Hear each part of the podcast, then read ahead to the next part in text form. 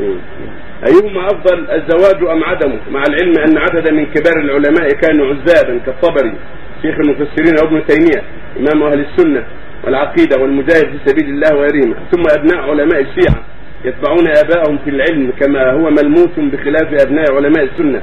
ويعني في القرية في القرن الأخير والسلام عليكم ورحمة الله وبركاته. لا كلام في أن الزواج هو السنة ولا كلام في أن الواجب على المؤمنين أن يعتنوا بالزواج. ولا يتركوه وإن تركه بعض الناس لأسباب قد تكون تركها لأن في شهوة قد يكون شغل عنه قد يكون لأسباب ما علمناها أما الرسول صلى الله عليه وسلم فقد حث على الزواج وقبل ذلك في كتاب الله الله جل جل وعلا قال فانكحوا ما طاب من النساء أو أنكحوا إلى منكم الصالحات وامائكم فالزواج أمر مطلوب لا بد منه وهو واجب في الجملة والنبي عليه الصلاة والسلام قال يا معشر الشباب إن استطاع أن لا يتزوج فانه غض البصر وأحسن الفرد ومن لم يستطع بالصوت فإنه له وجاء.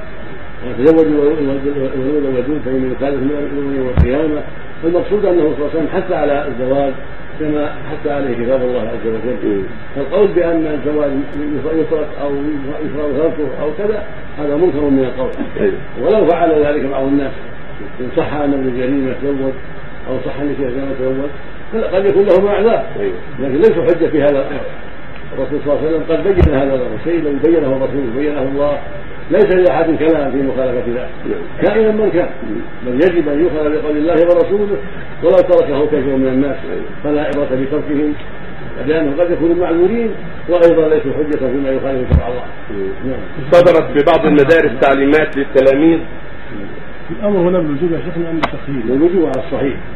وقال بعض أهل العلم يجب عند خوف الفاحشة تشتد به الشهوة ولكن الأصل هو الوجوب مطلقا اذا قدر لأنه اذا قدر يحسن فرده بذلك ويتباعد عن أسباب الشر. أما العاجز